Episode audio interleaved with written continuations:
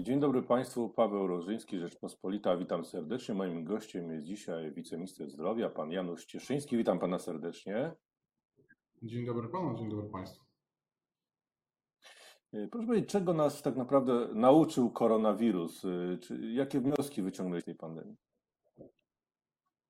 No, przede wszystkim, jeżeli chodzi o system ochrony zdrowia, bo jak rozumiem o tym dzisiaj będziemy przede wszystkim rozmawiać, to on pokazał, że nasz system, który, do którego od dwóch lat wdrażamy rozwiązanie e-zdrowia, Y, okazał się w tym aspekcie dobrze przygotowany. Okazało się, że y, te rzeczy, nad którymi pracowaliśmy, tak naprawdę, no, można powiedzieć, w gronie wszystkich pracowników ochrony zdrowia, czyli y, i w szpitalach, i w przychodniach, i w poradniach, i w aptekach, tam, tam, gdzie pracowaliśmy nad tym, żeby mm, udostępnić pacjentom rozwiązania, które umożliwiają odbycie porady na odległość, uzyskanie wiedzy bez wychodzenia z domu, Y, tam okazało się, że rzeczywiście w bardzo dużej mierze to się udało i y, w tak naprawdę y, bardzo istotnej części, bo niektóre statystyki, na przykład z podstawowej opieki zdrowotnej mówią nawet o 80%, te porady, to wsparcie dla pacjentów w, przyniosło się do tej sfery wirtualnej. Oczywiście wiadomo, że to nie jest taki docelowy model, ponieważ Mm, kiedy tylko ambulatoria będą już ponownie dostępne na takich samych warunkach, kiedy ta sytuacja wróci do sytuacji sprzed epidemii, to na pewno te wolumeny spadną. Natomiast jestem też przekonany, że odsetek y, porad, odsetek wizyt lekarskich, które są odbywane bez y, wizyty osobistej, y, na pewno pozostanie już na stale zwiększonym poziomie. Czy to znaczy, że mając takie, takie narzędzia właśnie jak recepta, skierowanie, lepiej sobie poradziliśmy, tak? Dzięki temu. No tak to, tak to w mojej ocenie należy ocenić. Jest też niewątpliwe w ten sposób, że te rozwiązania, które były wdrażane przez ostatnie y, ponad dwa lata, y, teraz miały taki chrzest bojowy, ale to nie, to nie była taka sytuacja, że wdrażaliśmy coś nagle, ponieważ pojawił się koronawirus, tylko tak naprawdę e-recepta zgodnie z planem y, weszła już jako obowiązujące rozwiązanie od stycznia tego roku. No i miesiąc, dwa miesiące później tak naprawdę okazało się, że takie tego systemu właśnie teraz się zaczyna. No i y, ponadto tak, y, tak samo w przypadku teleporad, telewizyt, y, te rzeczy pojawiły się tak naprawdę w koszyku świadczeń gwarantowanych już w ubiegłym roku na jesieni. Natomiast teraz była okazja do tego, aby to na jeszcze większą niż do tej pory skalę mm, wykorzystać. I to jest dobry znak, ponieważ to pokazuje, że w zakresie e-zdrowia byliśmy przygotowani. Natomiast w międzyczasie wdrożyliśmy też szereg nowych rozwiązań, które, rozwiąza które miały na celu Y, jakby zmierzenie się z takimi problemami, które dopiero w trakcie epidemii się pojawiły, albo tak, takimi, które po prostu miały szansę na to, aby zostać wykorzystane mm, właśnie w związku z tym, że taka potrzeba zaistniała. W ogóle pojawiły się jakieś problemy z działalnością tych systemów w związku z koronawirusem, czy wszystko jakoś gładko przeszło? No, mieliśmy, mieliśmy informacje y, ze strony różnych środowisk, że w niektórych przypadkach te teleporady mm, są nadużywane, że mamy do czynienia z sytuacjami, w których no, pacjent w ewidentny sposób kwalifikuje się do porady ambulatoryjnej, a y, lekarz podejmuje próbę załatwienia tej sprawy na odległość.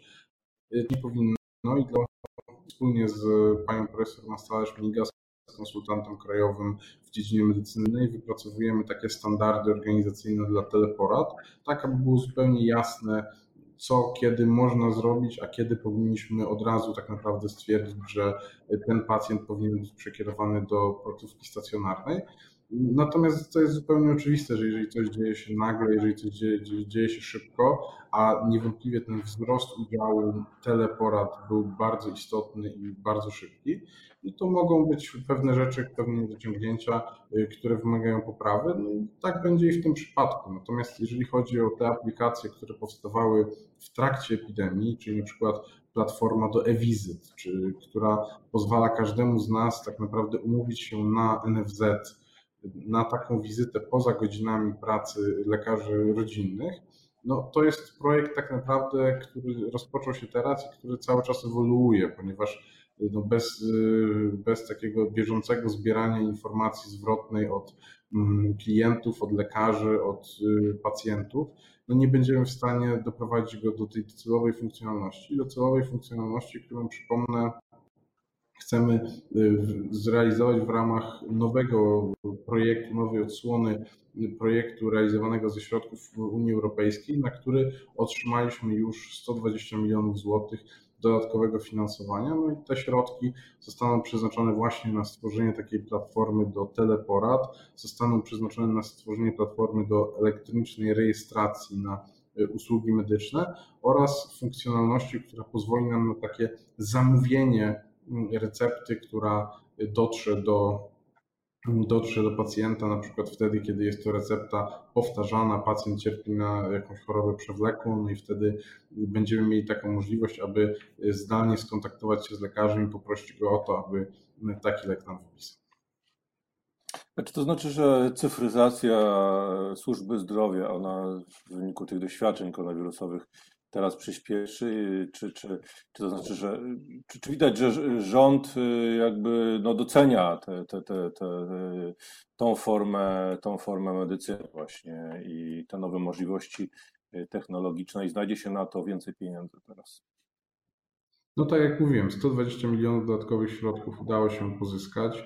Oprócz tego tak naprawdę od ponad dwóch lat mamy taką sytuację, że na e-zdrowie pieniędzy nie brakuje. To znaczy cały czas otwieramy, uruchamiamy nowe projekty w Ministerstwie Zdrowia, w Narodowym Funduszu Zdrowia, wszędzie tam, gdzie chcemy być blisko pacjenta. Narodowy Fundusz Zdrowia uruchomił na przykład y, infolinię, która zintegrowała te wszystkie numery informacyjne, którymi do tej pory dysponował fundusz. Ta infolinia służy temu, aby każdy, kto y, ma jakąś nagłą sprawę, kto chce się czegoś dowiedzieć, może 24 godziny na dobę, 7 dni w tygodniu z takiej informacji skorzystać. No i tutaj pan prezes Adam Niedzielski, kiedy przyszedł do funduszu, y, powiedział, że to jest jeden z takich najważniejszych celów na y, początek. No i tego celu mm, dopiął i okazało się, że kiedy mm, nastała epidemia, to do NFZ-u tak naprawdę praktycznie przez cały czas dało się dodzwonić. Ta infolinia była drożna, także dzięki dużemu wsparciu ze strony Ministerstwa Cyfryzacji, które y, uruchomiło integrację z innymi infoliniami byliśmy w stanie dzięki temu rozwiązaniu, które jest wypracowane, dołączyć dodatkowych konsultantów, którzy bardzo szybko ruszyli do udzielania porad wtedy, kiedy zainteresowanie nimi było bardzo, bardzo duże. No właśnie, a czy, czy duże było zainteresowanie różnymi e, aplikacjami, różnymi e, rozwiązaniami, które Państwo wprowadziliście, tak jak właśnie wirtualny, tam był wirtualny asystent, aplikacja sprawdź, czy masz objawy, objawy COVID, prawda, e, i tego typu aplikacje internetowe, konto oczywiście. I czy, czy to rzeczywiście rośnie zainteresowanie tym? Mm, tak, rośnie zainteresowanie tymi usługami które już były, czyli właśnie internetowym kontem pacjenta. Już mamy prawie 2,5 miliona użytkowników. Rośnie zainteresowanie portalem pacjent.gov.pl, ale rośnie też zainteresowanie takimi rzeczami, które do tej pory były wykorzystywane dość sporadycznie, ale oprócz tego udało się uruchomić nowe usługi, na przykład właśnie tego wirtualnego asystenta, tak zwanego chatbota, który wykorzystując techniki y, uczenia się, y, uczenia się takiego na podstawie informacji, które już do tej pory uzyskał, na podstawie tych, które zostały tam, y, można powiedzieć, pierwotnie, którymi został pierwotnie zasilony, odpowiadał na ponad czy około 5 milionów pytań ze strony użytkowników, ze strony osób, które trafiły na stronę pacjent.gov.pl. To, to pokazuje, y, jak dużą pomocą może być taki bot, ponieważ no, w przeciwnym wypadku na te 5 milionów pytań albo pacjenci nie uzyskaliby odpowiedzi, albo musiałby ich udzielić człowiek, co oczywiście wiązałoby się z dużo wyższymi kosztami. Natomiast wiemy, że w tak naprawdę każdej dziedzinie życia wchodzą do wykorzystania takie rozwiązania. No i y, tak się wydarzyło także w e-zdrowiu. No i tutaj bardzo szybko, bo dosłownie na przestrzeni tygodni wdrożyliśmy takiego chatbota, no i on rzeczywiście bardzo się przydał. Tak samo ten y, symptom checker to jest takie narzędzie, które pozwala sprawdzić, czy mamy objawy koronawirusa, czy powinniśmy się zgłosić do lekarza, y, czy też nasze podejrzenia są nieuzasadnione. To jest też niezwykle ważne, ponieważ to za każdym razem oszczędza czas pracowników medycznych i pozwala na to, aby te najbardziej wstępne czynności związane z diagnostyką wykonać we własnym zakresie. A jakie rozwiązania planujecie Państwo e, wprowadzić e, w kolejnych miesiącach? No, myślę, że będziemy przede wszystkim wracali do tego, co musiało się zatrzymać w związku z epidemią, czyli z procesem wdrożenia e-skierowania oraz Y, wymiany elektronicznej dokumentacji medycznej. To są bardzo duże y, wdrożenia, natomiast no bez y, zaangażowania na poziomie wdrożenia, czyli bez tych szkoleń, bez rozmów z lekarzami, z mm, informatykami szpitalnymi, bez bardzo dużej akcji informacyjnej, nie ma mowy o tym, aby y, te wdrożenia odniosły sukces na miarę e-recepty.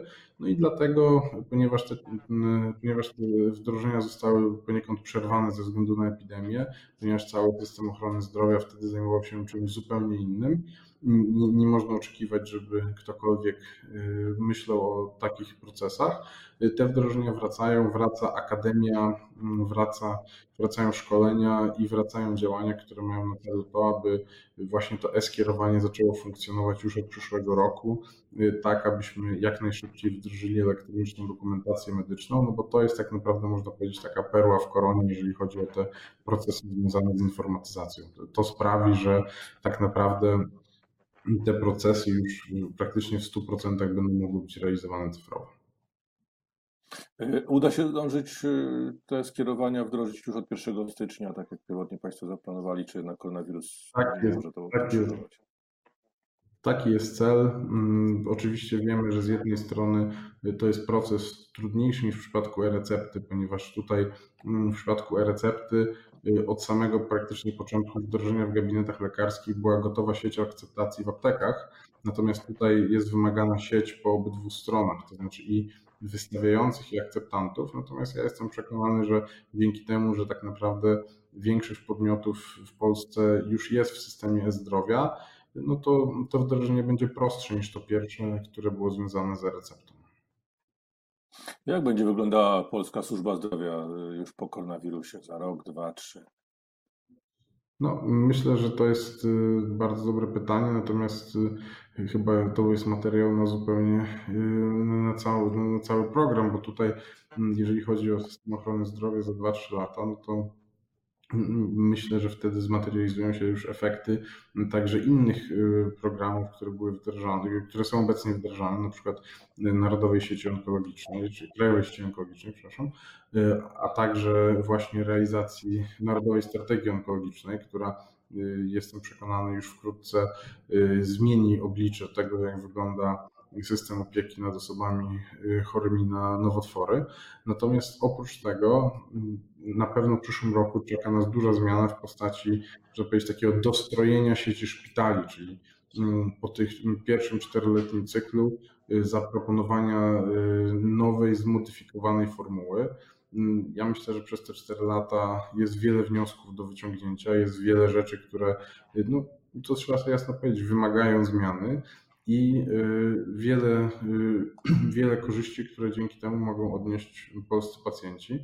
Ja jestem przekonany, że to też będzie dobry czas na to, aby po tym, jak ten cykl zmian, można powiedzieć, był w y, bardzo istotny sposób też y, pod wpływem cyklu wyborczego, y, ta sytuacja, że ta sytuacja się ustabilizuje, no i dzięki temu, że będzie pole do tego, aby wdrażać takie zmiany w oderwaniu od tego kalendarza wyborczego, Mm, będzie znacznie więcej niż do tej pory czasu na y, pracę taką już stricte merytoryczną. Dzisiaj to jest zupełnie oczywiste. Bardzo wiele zadań musi być odłożonych na bok, ponieważ tak naprawdę na bieżąco wszystkie propozycje zmian są przez naszych przeciwników politycznych, no właśnie w związku w mojej ocenie z kampanią wyborczą atakowane. Ja myślę, że wtedy, kiedy ta sytuacja się uspokoi, to okaże się, że właśnie system ochrony zdrowia to jest coś, co łączy mm, wszystkie siły polityczne, bo co do tych najważniejszych kierunków, co do tego, że służba zdrowia czy system ochrony zdrowia musi być lepiej dofinansowany, że musi być bardziej nowoczesny, musi y, iść za tymi trendami światowymi, musimy dbać o kadry. To co do tego wszystkie siły polityczne są zgodne i, i kiedy tylko przyjdzie czas na to, żeby spokojnie usiąść do stołu, to tę zgodę wyrażą.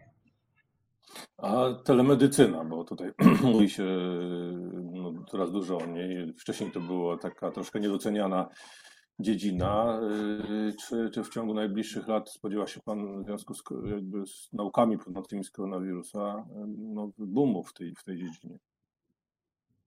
Moim zdaniem ten boom już się rozpoczął, natomiast y, ja się spodziewam, że dzięki temu, że wprowadzimy narzędzia takie jak na przykład taka y, jedna dostępna dla wszystkich platforma do teleporad, to ta telemedycyna trafi pod strzechy. I to już to, co My teraz, y, można powiedzieć, w takim bardzo y, szybkim mm, tempie próbowaliśmy przekazać Polakom, czyli że y, ten lekarz w przypadku podstawowych porad jest dostępny bez wychodzenia z domu, dopiero ta porada jest wstępem do tego, aby lekarz zdecydował, czy powinniśmy przyjść do ambulatorium, czy wręcz powinno się po nas wysłać karetkę, czy też może mm, ta sprawa wymaga jedynie y, krótkiej konsultacji, ewentualnie wystawienia odpowiedniej recepty, czy na przykład zwolnienia mm, z pracy.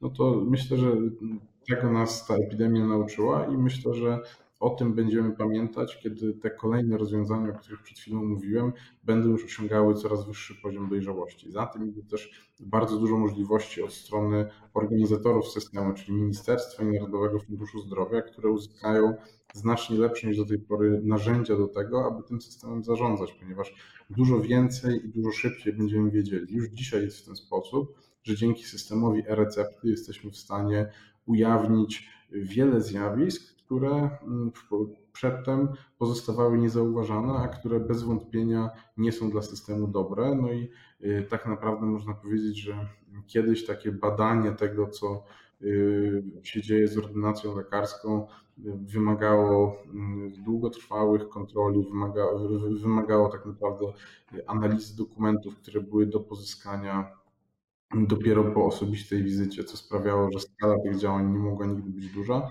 Teraz jesteśmy w stanie w sposób zautomatyzowany wychwycić pewne nieprawidłowości. I tutaj też chciałbym podkreślić, że myślę, że 80-90% z nich to są rzeczy, które nie są intencjonalne, i tam zwracamy się do y, lekarzy, do farmaceutów z prośbą o to, aby po prostu skorygowali swoje postępowanie. No a 10-20% to są niestety takie działania, które narażają polski budżet i polskiego pacjenta na straty finansowe, no i tam postępujemy już z pełną determinacją.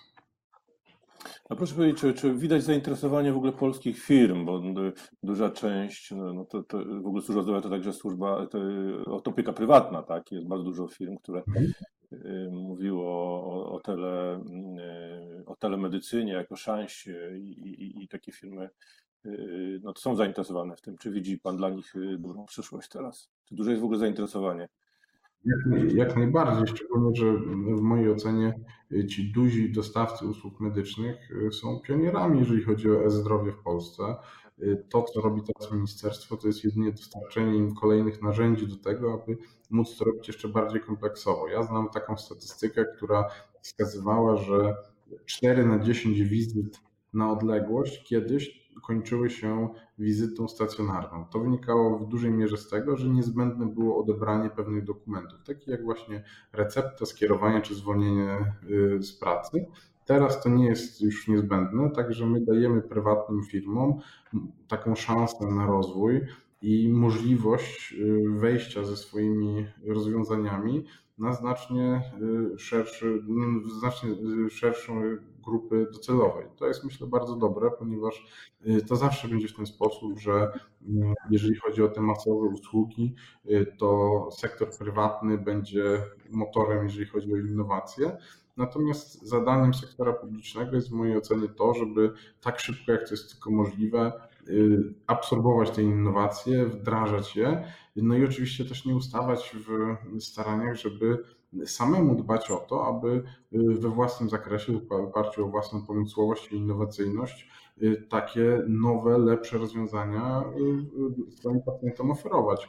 Natomiast no, patrząc, patrząc na przeszłość, patrząc na to, jak to wyglądało, na pewno y, to do prywatnych firm y, należy tutaj bardzo dużo, y, bar, bar, znaczy to, to dla nich jest bardzo dużo wyzwań i zresztą we współpracy z różnymi firmami, także polskimi, myśmy w trakcie tej epidemii wdrażali swoje rozwiązania. A czy widać w ogóle, że no, przemysł polski jakoś, y, można powiedzieć, skorzystał, y, przynajmniej oczywiście jego część, na koronawirusie i nie wiem, chodzi o produkcję różnych respiratorów, y, przyłbic, tworzenie nowoczesnych rozwiązań, startupy i tak dalej. Czy widzi Pan tutaj duży, duży ruch w interesie?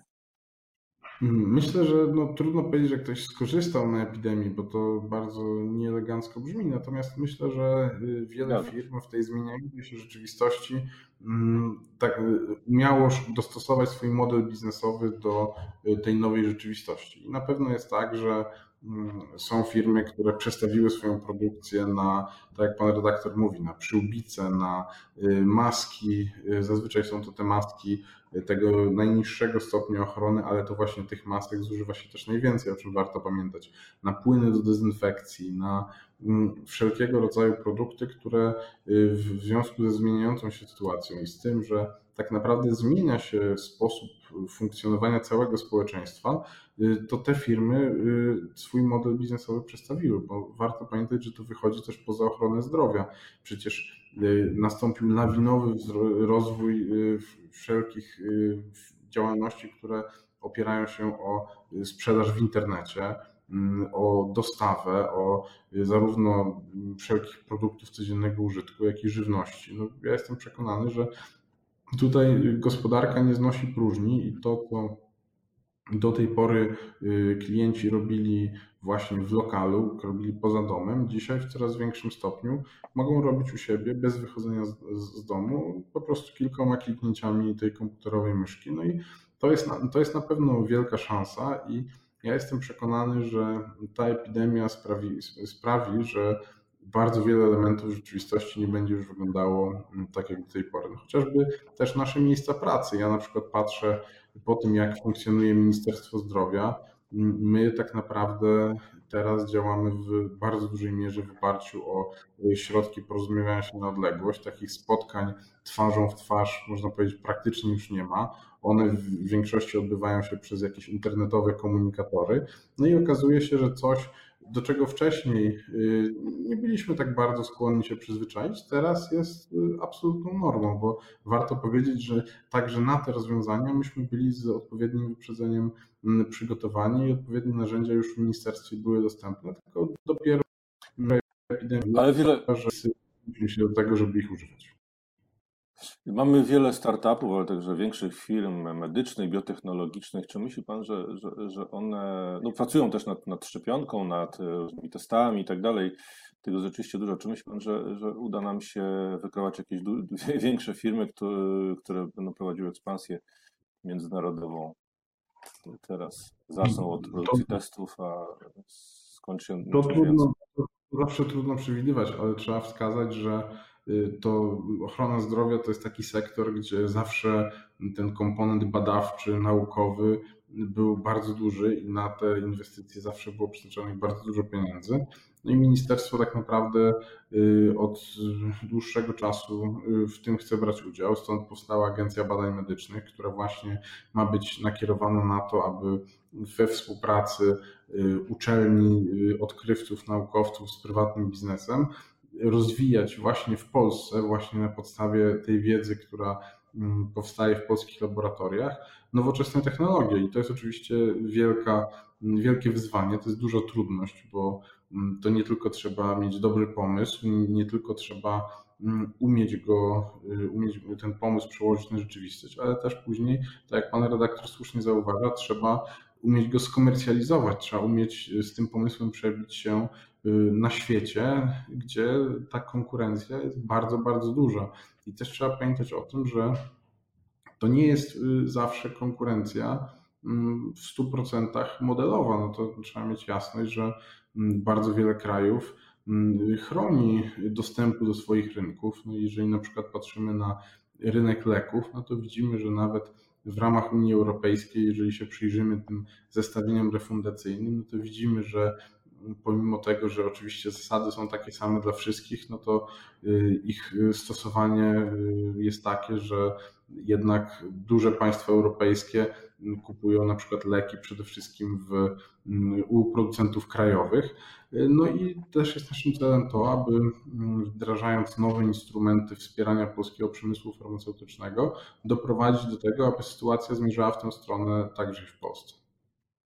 A myśli Pan, że część tej produkcji w związku ze zmianami łańcuchów dostaw w ogóle trafi do Polski? No, do tej pory mieliśmy taką dosyć dziwną sytuację, że nie wiem, prawie 100% y, poszczególnych kategorii leków y, miały, miały monopol y, takie państwa jak Chiny czy Indie. No i to, to było dosyć groźne, jak się okazało.